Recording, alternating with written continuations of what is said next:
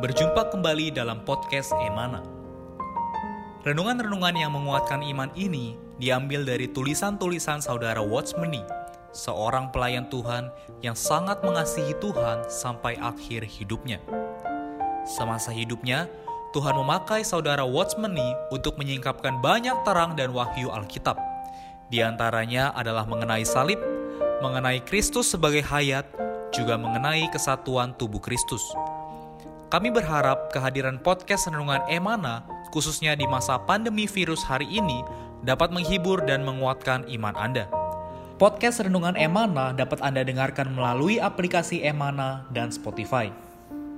Anda dapat menghubungi kami pada nomor hotline Emana di 0851 5677 2397 Sekali lagi Anda dapat menghubungi kami pada nomor hotline Emana di 0851 5677 2397. Buku-buku saudara Watchmeni secara lengkap dapat Anda peroleh di toko buku Yasmerin, Tokopedia, Google Playbook, atau di website resmi yasmerin.com. Selamat menikmati seri renungan hari ini. Haleluya, mulia bagi Tuhan saudara-saudari pendengar podcast Emana. Pada hari ini kita kembali bersama-sama dengan saya Reinhard dan saya bersama dengan Saudara Puji. Nah, mulia bagi Tuhan. Hari ini kita akan membahas dengan tema hasil konsekrasi.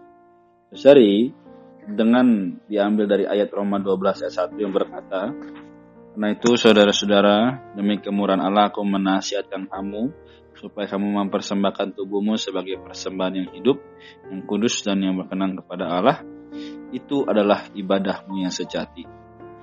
Namun dikatakan dalam paragraf pertama, dalam perjanjian lama, Allah dengan sangat jelas menunjukkan bahwa selain Allah mengizinkan, barulah orang bisa menjalani konsekrasi.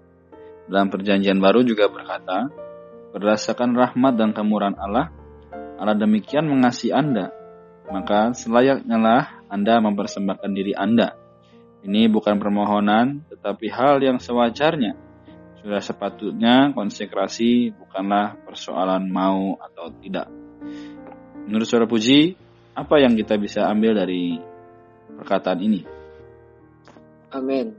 Uh, puji Tuhan, saudari. Jadi Roma pasal 12 ayat 1 uh, ini ayat ini sudah kita bahas ya uh, selama tiga hari berturut-turut, mulai dari hari Kamis, Jumat, dan Sabtu. Nah, sehari di bagian tadi yang sudah dibacakan oleh saudara Renat di paragraf yang pertama, di sana dikatakan pada perjanjian lama Allah dengan sangat jelas menunjukkan bahwa selain Allah mengizinkan, baru orang bisa menjalani konsekrasi. Yeah. Nah, hari ini kita bisa lihat ya di dalam pelayanan uh, di dalam uh, kemah suci atau tabernakel juga di dalam bait suci. Yeah. Jadi baik tabernakel maupun bait suci ya tidak boleh orang-orang uh, uh, memasukinya secara sembarangan. Ya. Hanya orang-orang Lewi yang boleh melayani di dalam kemah suci maupun bait Allah. Mm -hmm. Lalu juga secara khusus adalah di uh, dari keturunan Harunlah ya yang boleh melayani uh, Allah uh, di dalam uh, ruang kudus dan ruang maha kudus. Yeah. Jadi saudari ini sangat-sangat sangat-sangat khusus ya orang yang melayani Allah. Hanya orang-orang yang diizinkan ya ditunjuk oleh Allah yang bisa melayani Allah. Nah, saudara-saudari. Uh, tetapi uh, kehendak Allah ya sebenarnya bukanlah beberapa orang melayani Dia, tetapi seluruhnya melayani Dia. Nah, dari hal ini uh, kemudian uh, dipulihkan ya di dalam perjanjian baru. Ya. Nah, di dalam perjanjian baru, saudara-saudari, uh, Allah memulihkan kehendaknya ini yaitu bahwa semua orang yang percaya bisa melayani Allah. Bahkan uh, kalau kita memakai kalimat yang lebih tepat adalah harus melayani Allah. Uh, begitu kita melayani Allah, saudara-saudari, yeah. di sana dikatakan itu adalah uh, pelayanan kita dalam dalam terjemahan bahasa Indonesia adalah itu adalah ibadah kita, pelayanan kita yang sejati. Yeah. Kalau menurut terjemahan aslinya adalah uh, pelayanan kita yang masuk akal, ya, yang di, yang bisa diterima dengan akal sehat. Artinya, saudari, kalau kita di dalam perjanjian baru ini tidak melayani Tuhan, ya, tidak mempersembahkan diri kepada Tuhan, ya berarti akal kita tidak sehat, ya atau ada sesuatu yang salah dengan mm -hmm. cara berpikir kita, ya, dengan konsep kita. Nah masalahnya hari ini banyak orang Kristen merasa bahwa ah saya ini tidak bisa melayani, ah saya ini bukan pelayan, ya. Yeah ah saya ini bukan uh, bagian dari eh, orang-orang uh, yang uh, dipakai Tuhan ya. Oh, Tuhan. Nah, jadi ini adalah konsep yang uh, minggu ini harus kita patahkan. Mm -mm. Bahwa semua orang ya perlu mempersembahkan dirinya. Yeah. Perlu mempersembahkan dirinya. Karena apa? Karena kita semua sudah mengalami kemurahan Allah, ya mengalami apa eh, berkat-berkat Allah. Allah sudah melayakkan kita sedemikian rupa. Mm-hmm. Mulai dari Roma pasal 1 sampai Roma pasal yang ke-11 kita bisa melihat begitu banyak uh, rahmat karunia Allah, kemurahan Allah di atas kita.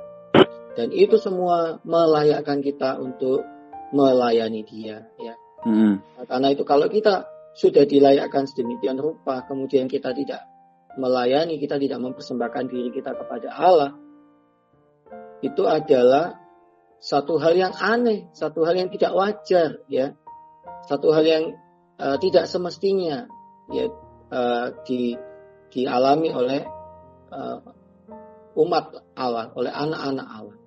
Nah, saudari, amin. Jadi kita semua, ya, uh, baik yang disebut sebagai pelayan gereja maupun tidak, semuanya, ya, perlu mempersembahkan diri. Semuanya perlu ikut bagian di dalam uh, melayani Tuhan. Ya, amin. Puji Tuhan. Amin ya, saudara-saudari. Jadi apa yang dikatakan saudara Puji ya sungguh sangat uh, menerangi saya juga. Jadi semoga saudari juga uh, mendapatkan bantuan ya. Dikatakan selanjutnya bahwa konsekrasi setidaknya menghasilkan empat hal penting dalam hidup orang Kristen. Nah, pertama, kita dapat mengerti kehendak Allah. Dikatakan dalam Roma pasal 12 ayat 1 sampai 2. Bahwa karena itu secara demi kemurahan Allah, aku menasihatkan kamu supaya kamu mempersembahkan tubuhmu sebagai persembahan yang hidup, yang kudus dan yang berkenan kepada Allah. Itu adalah ibadahmu yang sejati. Janganlah kamu menjadi serupa dengan dunia ini, tapi berubahlah oleh pembaharuan budimu, sehingga kamu dapat membedakan manakah kehendak Allah, apa yang baik yang berkenan kepada Allah dan yang sempurna. Kedua, kita dapat menerima penerangan Tuhan yang dikatakan dalam 2 Korintus 3:16. Tetapi apabila hati seorang berbalik kepada Tuhan, maka selubung itu diambil daripadanya. Yang ketiga, kita dapat memiliki pengalaman rohani seperti yang dikatakan dalam Roma 6 ayat 12 sampai 14. Sebab itu hendaklah dosa jangan berkuasa lagi di dalam tubuhmu yang fana, supaya kamu jangan lagi menuruti keinginannya, dan janganlah kamu menyerahkan anggota-anggota tubuhmu kepada dosa untuk dipakai sebagai senjata kelaliman, tapi serahkanlah dirimu kepada Allah sebagai orang-orang yang dahulu mati tapi yang sekarang hidup, dan serahkanlah anggota-anggota tubuhmu kepada Allah untuk menjadi senjata-senjata kebenaran. Sebab kamu tidak akan dikuasai lagi oleh dosa, karena kamu tidak berada di bawah hukum Taurat, tapi di bawah kasih karunia. Terus dari yang keempat, kita dapat menerima kekayaan kemuliaan. Seperti yang dikatakan dalam Filipi 4 ayat 18 sampai 19. Kini aku telah menerima semua yang perlu daripadamu, malahan lebih daripada itu, aku berkelimpahan karena aku telah menerima kirimanmu dari Epafroditus, suatu persembahan yang harum, suatu korban yang disukai, dan yang berkenan kepada Allah. Allahku akan memenuhi segala keperluanmu menurut kekayaan dan kemuliaannya dalam Kristus Yesus. Bagaimana menurut saudara puji untuk empat yang kita dapatkan ini? Amin. Jadi kalau kita mempersembahkan tubuh kita ya, mempersembahkan diri kita, maka saudari kita akan mendapat hasil ya. Uh, bukan hanya Allah diuntungkan ya ya. Tetapi juga terlebih kita secara rohani kita juga mengalami satu uh, manfaat ya, keuntungan yang kita dapat. Yang pertama adalah kita mengerti kehendak Allah. Ya tadi Roma pasal 12 ayat 1 dan 2 dengan jelas ya kita bisa membedakan manakah yang berkenan kepada Allah, apa yang baik ya dan yang sempurna. Jadi eh, karena apa? Ketika kita mempersembahkan diri kita kepada Tuhan, Tuhan akan mengerjakan pembaruan di atas eh, akal budi kita ya. Pikiran kita bukan lagi pikiran yang diduduki oleh daging ya, tetapi adalah pikiran yang diduduki Allah ya. Nah, dari kita mengalami pembaruan pikiran sehingga kita bisa mengerti kehendak Allah. Lalu bukan hanya pikiran kita ya, hati kita ya, uh, tekad kita, emosi kita, ketika kita uh, melayani di dalam pelayanan roh ya di dalam konteks 2 Korintus pasal 3 uh, eh, maka sudah dari uh, pelayanan roh ini ya membuat kita berbalik kepada Allah dan membuat kita bisa mengalami apa? Mengalami penerangan Tuhan. Ya, seperti Musa uh, datang ke hadapan Tuhan dan dia apa? mendapat terang Tuhan ya, sampai wajahnya pun uh, bersinar ya memantulkan terang Tuhan. Sama juga dengan kita. Begitu kita mempersembahkan diri kepada Tuhan, kita melayani Tuhan ya, kita dipakai oleh Tuhan, maka kita memantulkan ya terang Tuhan. Mm -hmm. Betul. Lalu yang ketiga, saudari, kita uh, juga mengalami kemajuan rohani ya. Dulu tubuh kita dipakai untuk senjata-senjata kelaliman.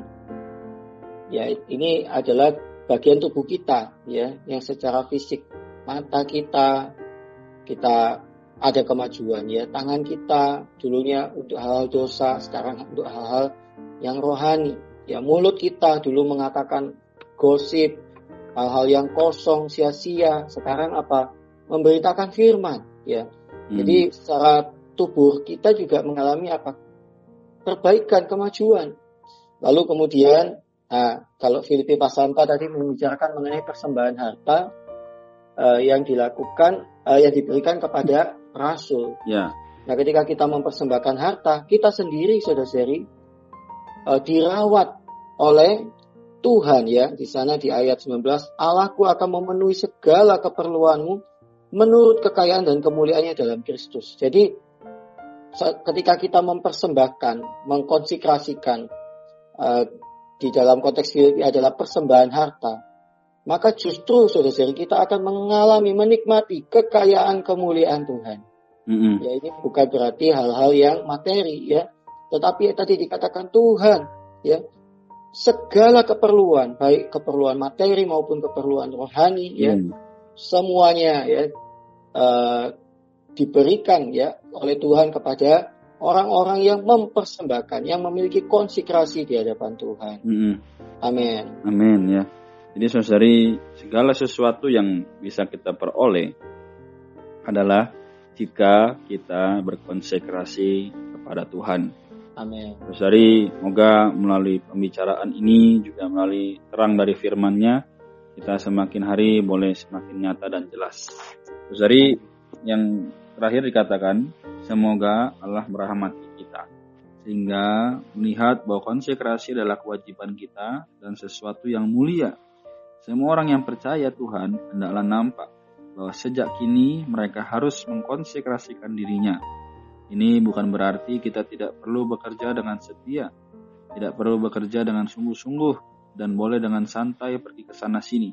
Bukan, kita tetap perlu bekerja dengan setia dan berusaha dengan sungguh-sungguh. Hanya kita perlu tahu di hadapan Allah kita adalah orang yang berkonsekrasi. Amin. Bagaimana saya puji untuk yang terakhir ini? Ya, saya Jadi ketika kita uh, mengkonsekrasikan diri kita atau mempersembahkan diri kita.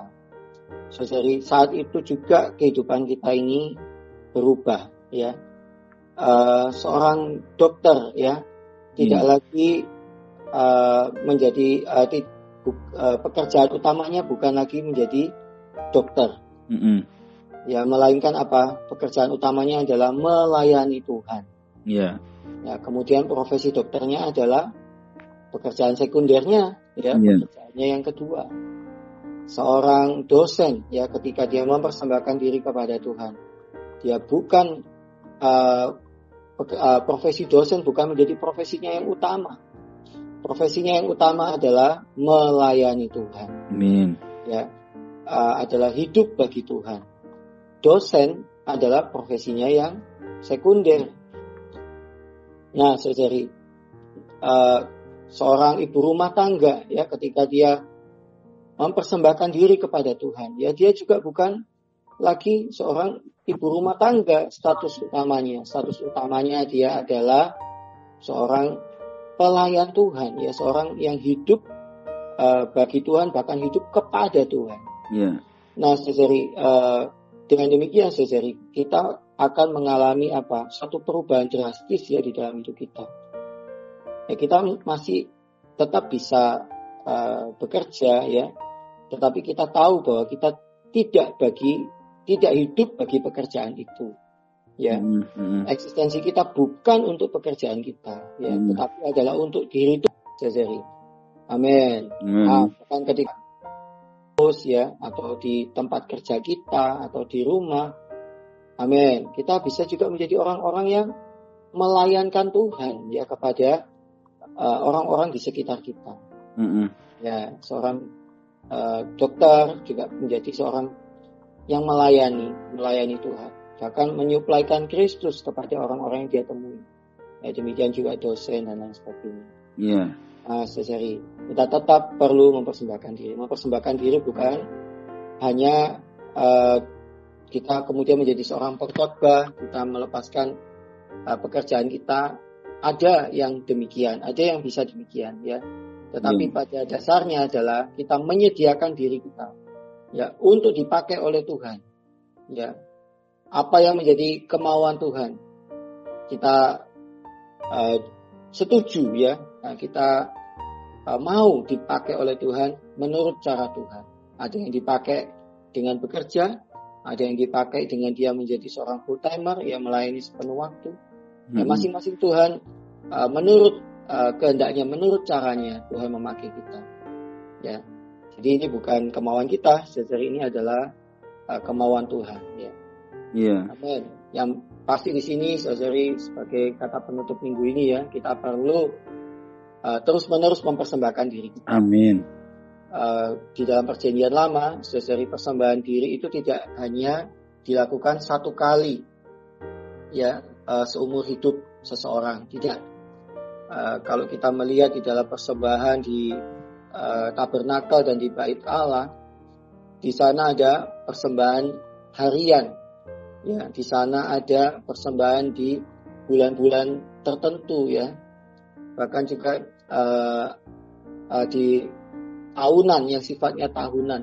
Mm-hmm. Jadi dari persembahan kita kepada Tuhan itu perlu kita ulangi terus menerus, perlu kita perbarui ya uh, seseri mungkin dulu pernah melayani Tuhan, dulu mempersembahkan waktu untuk Tuhan. Sekarang saudara-saudari perlu memperbarui persembahan saudara-saudari kembali. Yeah. Ya. Persembahan kita perlu terus menyala ya.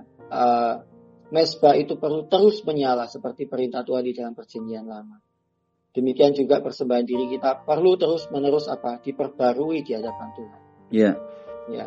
Amin. Uh, jadi uh, kita tidak bisa mengatakan dulu saya melayani saudara, sekarang saya pensiun.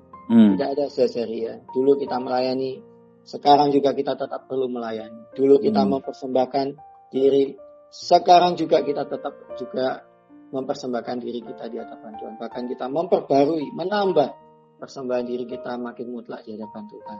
Amin. Amin ya. Si Tuhan saudari, jadi inilah bagaimana kita seharusnya terus menerus mempersembahkan diri sampai kapan pun karena seperti Tuhan juga demikian agar kita juga boleh menjadi orang yang mengekspresikan Tuhan dan Amin. mendapatkan hasil dari konsekrasi kita. Amin. Amin. Puji Tuhan, saudara puji. Mari kita tutup dalam doa. Wakil ada saudara puji. Amin. Mari kita berdoa. Tuhan Yesus, terima kasih Tuhan. Tuhan, Kau membuka kesempatan bagi kami. Oh Tuhan, untuk bisa mempersembahkan diri kami melayani dirimu ya Tuhan. Tuhan Yesus, eh, ini juga menjadi perintah bagimu eh, di atas diri kami ya Tuhan. Bahwa setiap kami Tuhan tidak bisa tidak mempersembahkan diri di hadapan Tuhan. Karena kami semua sudah menerima kemurahan, kemuliaan, berkat-berkat materi, berkat-berkat rohani, semua Tuhan sudah berikan kepada kami. Kami perlu memiliki respon untuk melayani Dikau. Tuhan, bila ada saudara-saudari yang hari ini ya Tuhan, persembahan dirinya sudah mulai padam di hadapan-Mu, mohon Dikau barakan kembali ya Tuhan. Satu minat persembahan diri yang baru, yang segar, sehingga kami bisa dipakai oleh dirimu. Oh Tuhan Yesus, jadikan uh, kami sebagai bau-bauan yang harum yang memuaskan hati Tuhan. Terima kasih Tuhan Yesus dalam namamu kami berdoa. Amin. Amin. Baik, terima kasih saudara puji. Puji Terima Tuhan. kasih saudari pendengar podcast Emana. Sampai jumpa di kesempatan yang berikutnya. Amin. Tuhan Yesus memberkati. Sekian podcast Renungan Emana hari ini. Kami akan kembali pada seri berikutnya. Anugerah dari Tuhan Yesus Kristus dan kasih Allah dan persekutuan Roh Kudus menyertai kita semua.